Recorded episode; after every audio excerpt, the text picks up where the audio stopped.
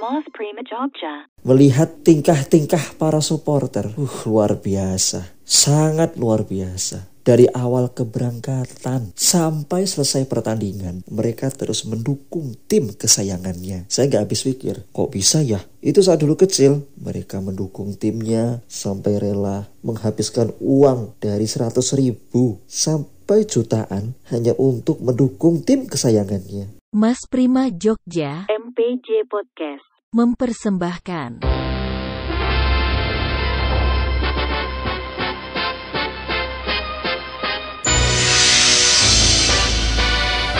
Tiga puluh hari bersuara 2022 Halo teman-teman semua, ketemu lagi dengan saya Prima Agus Setiawan dari Mas Prima Jogja MPJ Podcast. Di episode ke-16, kali ini saya akan membahas loyalitas supporter sepak bola. Luar biasa kan? Masih dalam 30 hari bersuara 2022 oleh The Podcasters Indonesia dan Podcaster Netra Indonesia. Teman-teman, ada yang suka sepak bola nggak ini? Pasti banyak kan yang suka dengan sepak bola? Oke, langsung tanpa lama-lama. Ada nggak nih yang jadi supporter? Ada kan? Pernah nggak saat menonton di tribun khusus supporter banyak yang menyanyikan yel-yel, banyak yang memukul musik, banyak yang memukul drum band atau menggunakan trompet, bahkan sampai joget-joget untuk mendukung tim kesayangannya. Ada nggak nih? Ada. Oke, baik. Itulah gambaran loyalitas para supporter. Dalam Kamus Besar Bahasa Indonesia, kata loyalitas artinya kepatuhan atau kesetiaan.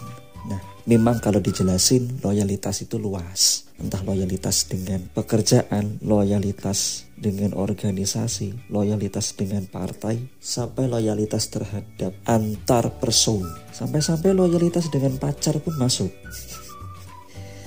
Aduh, tapi yang saya fokuskan adalah loyalitas supporter sepak bola seluruh Indonesia. Kalau skupnya dunia terlalu luas, skupnya Indonesia dulu lebih dekat, rinci, fokus. Kalau terlalu jauh nanti pusing terbang ke sana kemari naik pesawat, belum ke stadium ini, ke stadium ini, ke stadium itu. Capek, mendingan di Indonesia melihat tingkah-tingkah para supporter, uh, luar biasa, sangat luar biasa. Dari awal keberangkatan sampai selesai pertandingan, mereka terus mendukung tim kesayangannya. Saya nggak habis pikir, kok bisa ya? Itu saat dulu kecil, mereka mendukung timnya sampai rela menghabiskan uang dari 100 ribu sampai jutaan hanya untuk mendukung tim kesayangannya. Sampai dibela-belain beli merchandise tim, lalu kaos, bahkan atribut-atribut yang dibawa oleh mereka beragam. Sayangnya loyalitas mereka kalau terlalu bablas nanti bisa menjadi fanatisme buta, fanatisme buta. Repot kalau ada yang tidak selevel dengan mereka atau selevel dengan yang bersangkutan itu menjadi bentrok atau lebih ngeri lagi ujung-ujungnya menjadi kerusuhan. Bisa dibayangkan antar supporter sepak bola di salah satu stadion yang ada di salah satu kota itu bentrok hanya karena tim yang A kalah tim yang B menang, supporter tim A tidak terima. Akhirnya supporter tim B yang jadi bulan-bulanan. Ada yang membawa batu, ada yang membawa botol pecah, ada yang membawa golok, ada yang membawa senjata api, ada yang sampai diinjak-injak, bahkan ada beberapa yang meregang nyawa hanya karena terdesak dan terinjak-injak. Tidak bisa dipungkiri betapa ngerinya bila loyalitas itu terlalu bablas atau terlalu liar. Bahasa kerennya liberal loyal seperti itu teman-teman. Boleh kita melakukan sesuatu dalam rangka loyalitas terhadap tim sepak bola favorit kita. Tapi ingat teman-teman, kontrol diri. Karena kontrol diri itu lebih penting. Artinya loyalitas terhadap diri kita pribadi. Lebih-lebih dalam menjaga nikmat sehat yang Tuhan anugerahi kepada kita itu tidak sia-sia Itu teman-teman, menjaga kondisi tubuh. Loyalitas terhadap tim silahkan, sepak bola atau apa. Sampai rela-rela masuk lebih awal dan sebagainya. Hanya untuk menonton pertandingan sepak bola. Yang kedua, ingat waktu. Waktu tidak melulu loyalitas terhadap tim kita, tapi waktu yang lain, makan, minum, mandi, bekerja, sekolah, ada yang dagang, ada yang mengajar sebagai guru, dan masih banyak lagi. Waktu-waktu rutinitas, artinya ada kalanya kita istirahat dari loyalitas terhadap tim favorit kita. Walaupun memang dalam hati kita kita tetap mendukung karena itu tim yang kita dukung dan memang kita mendukung tim uh, sampai dibalain mati-matian. Uh, memang gitu. Tidak hanya sepak bola, tim yang lain, contohnya futsal. Dulu saat saya SMA, maaf ini keluar topik, ya masih sama, adiknya. SMA banyak sekali teman-temanku yang mendukung teman-temanku yang ikut jadi tim futsal. Dan rata-rata nih cewek-cewek. Waduh mereka jadi supporter. Luar biasa kan?